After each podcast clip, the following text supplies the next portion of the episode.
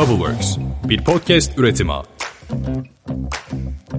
No More altyazının ilk bölümüne hoş geldiniz. Bu bölümde okul İngilizcesi versus gerçek hayattaki İngilizce. Bu ikisine bakacağız. Okul İngilizcesi biraz daha böyle kurs kitaplarından öğrendiğimiz basit İngilizce olur ya. Bu oluyor. Gerçek hayat İngilizcesi de artık böyle dillere pelesenk olmuş. Ne zaman böyle dizi film izleseniz ya da yabancılarla konuşsanız ya da yabancı bir ülkeye gitseniz bu kalıpları mutlaka duyacaksınız. Çok fazla kullanıyorlar. En çok kullanılanları ben sizin için teker teker seçtim. Burada kenarda köşede kalmış kullanılmayan hiçbir kalıbı görmeyeceksiniz. Hepsi deli gibi kullanılıyor ve mutlaka duyacaksınız. Haberiniz olsun. Ben bunu söylediğim zaman insanlar kızıyorlar. Okul İngilizcesi, gerçek İngilizce. Hani biz gerçek İngilizce öğrenmiyor muyuz okulda? Tabii ki öğreniyoruz. Ama bir de günlük hayatta kullanılan, sıkça kullanılan kalıplar var. Zaten bizim dizi filmleri anlamamamızın birinci sebebi okey o telaffuzları ve İngilizcenin ritmini öğrenmemiz önce önemli olan. Ama daha sonradan da kalıplar. Diyor biz gramer şeklinde öğreniyoruz. İşte buraya bu geliyordu. İşte S geliyor, V geliyor, O geliyor. Ama bu kalıpları öğrendiğiniz zaman otomatik olarak beyninizde oluşuyor kalıp ve direkt söyleyebiliyorsunuz ya da söylendiği zaman direkt anlayabiliyorsunuz. O yüzden gerçek İngilizce videolarım ve podcastlerim tabii ki çok önemli. Hemen dikkat edeceğiz. Göreceksiniz birazdan.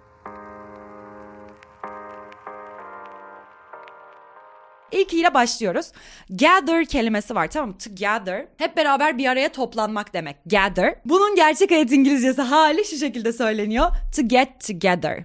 Tamam mı? Toplanmak anlamına geliyor. Örneklere bakalım. Get together, have a few laughs. We'll get together. Bir araya geleceğiz diyor. Gördüğünüz gibi get together kalıbını kullanıyor. Bir tane daha yapalım. We can get together once in a while. We can get together. Bir araya gelebiliriz. Bunu bu şekilde kullanabilirsiniz. We will get together. Bir araya geleceğiz. We can get together. Bir araya gelebiliriz. Get together. Bir araya gelmek. Hemen ikinciye geçelim. Hayal kırıklığına uğratmak diye bir fiilimiz var İngilizce'de. Bu da to disappoint. Bravo aranızda bilenler varsa duydum diyormuşum.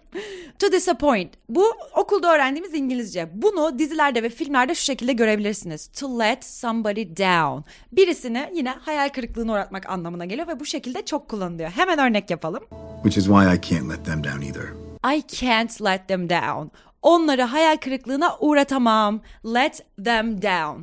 Onları hayal kırıklığına uğratmak tamam mı? I can't let them down. Onları hayal kırıklığına uğratamam. Bir örnek daha. You don't want to let her down now, do you? You don't want to let her down, do you?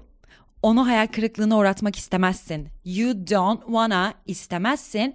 You don't wanna let her down. Onu hayal kırıklığına uğratmak istemezsin. Gördüğünüz gibi let somebody işte her, him down. Onları hayal kırıklığına uğratmak. Bir sonrakine geçelim. Katkı sağlamak diye bir fiilimiz var İngilizce'de. Bilen var mı aranızda C ile başlıyor. To contribute. To contribute. Katkı sağlamak demek. Bunun bu işte gerçek hayat film dizi İngilizcesi hali to pitch in. Birkaç tane örnek yapalım. Feel free to pitch in anytime. Feel free to pitch in anytime. Ne zaman istersen katkı sağlayabilirsin. Feel free, rahat ol, istediğin gibi, e, rahat hisset. To pitch in. Katkı sağlamak için rahat hisset. Your daddy's gonna pitch in the World Series. Bu örneğimizde de your dad is gonna pitch in diyor. Yani senin baban katkı sağlayacak. Is gonna katkı sağlayacak. Ve bir sonraki örneğimiz ziyaret etmek. Bunu kesin biliyorsunuz. V ile başlıyor. To visit. Evet. Bunu gerçek hayatta bak sürekli şu şekilde söylüyorlar. To drop in. Uğramak. Bayağı. I'll drop in. Ee, bir uğrayacağım. Bir örneğe bakalım. Sorry to drop in on you like this. Sorry to drop in on you like this. Bu şekilde uğradığım için özür dilerim. Sorry to drop in like this. On you hani sana bu şekilde uğradığım için derken orada on you var ama sorry to drop in like this. Bu şekilde uğradığım için özür dilerim. Bir örnek daha yapalım. Drop in and see me sometime. Drop in and see me sometime. Uğra ve beni gör bazen. Drop in and see me. Uğra ve beni gör. Tamam? Drop in. Geldik beşinciye to appear. Appear e, ortaya çıkmak demek biliyorsunuz. Bunu şeylerde de kullanıyoruz arkadaşlar. Mesela birinin partide ortaya çıkması, birinin partiye gelmesi. Bunu gerçek hayatta şununla söylüyorlar. To show up. To show up somewhere. Bir yerde bir yere gitmek yani bir yerde ortaya çıkmak. Yani mesela she didn't show up dersem geçmiş zamanda işte show up yapmadı yani şu anlama geliyor gelmedi. Hani orada ortaya çıkmadı o ortama gelmedi demek. Bunu biz show up'la söylüyoruz. Örneklere bakalım dizi ve filmlerden. The limo didn't show up. The limo didn't show. Bakın limuzin gelmedi. Tamam mı? Mesela otobüs gelmedi derken de the bus didn't show up derken de aynısını kullanıyoruz. Bir tane daha örnek yapalım. Show up on time.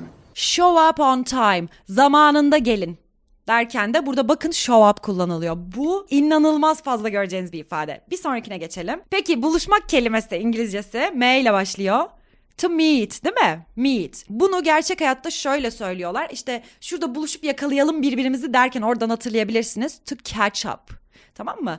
Let's catch up sometime. Hadi bir ara buluşalım. Catch up kullanıyorlar orada. Çok duyarsınız bunu. Hemen örnek yapalım. Burada basit bir şekilde catch up hani buluşalım mı diye kısaca söylüyor. Bir örnek daha yapalım. I'll catch up with you later. I'll catch up with you later. Bunu çok duyarsınız arkadaşlar. Seninle daha sonra buluşacağız. I'll catch up with you later. Tamam mı? Bunu ketçaptan hatırlayabilirsiniz. Ben bunu öğrettiğim zaman herkes ketçap diyordu öğrenciler hep. Catch up ama. Catch up. To meet.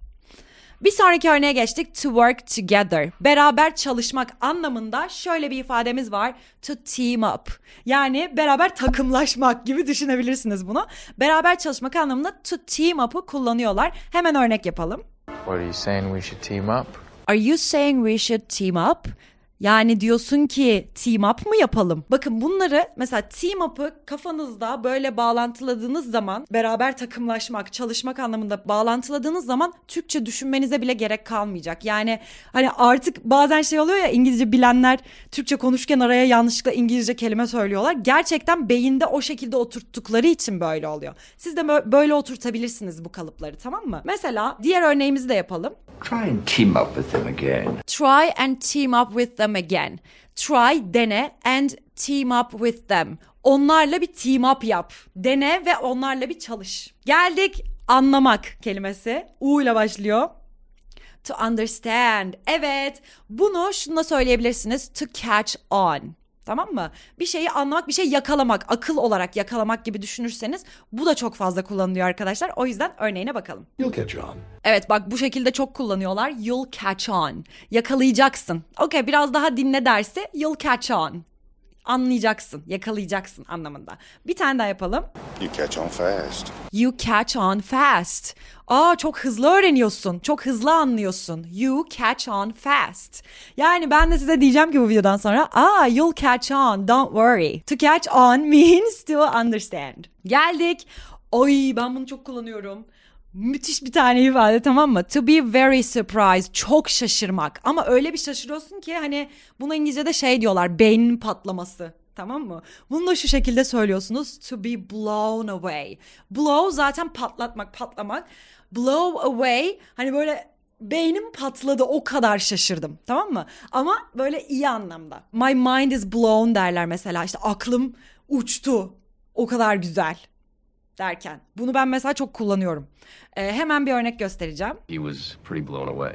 He's pretty blown away. Pretty'nin buradaki anlamı oldukça. He is pretty blown away. Yani çok şaşkın durumda. Diğer örneğe bakalım. I'm just blown away. I located your thumb. I'm just blown away. Hani o kadar şaşırdım ki iyi anlamda. I'm blown away. Oh my god.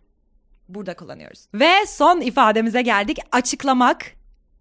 To explain. Bunu şu şekilde söyleyebiliriz. Bunu mesela YouTube e, tutoriallarında çok duyarsınız. İşte bir şey öğretirken birileri kesinlikle kullanıyorlar. To break it down. Mesela let me break it down for you. Hemen örneğimize bakalım. Let me just break it down for you. Evet örnekte de bunu söylüyor. Let me break it down. Bunu senin için açıklayayım derken çok kullanılır haberiniz olsun. Can you break it down? E, bunu açıklayabilir misin derken de yine break it down'u kullanabilirsiniz.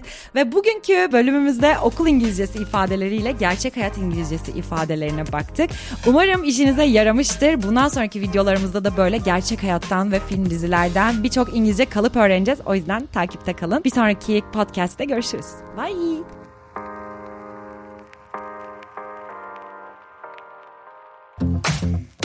Bubbleworks bir podcast üretimi.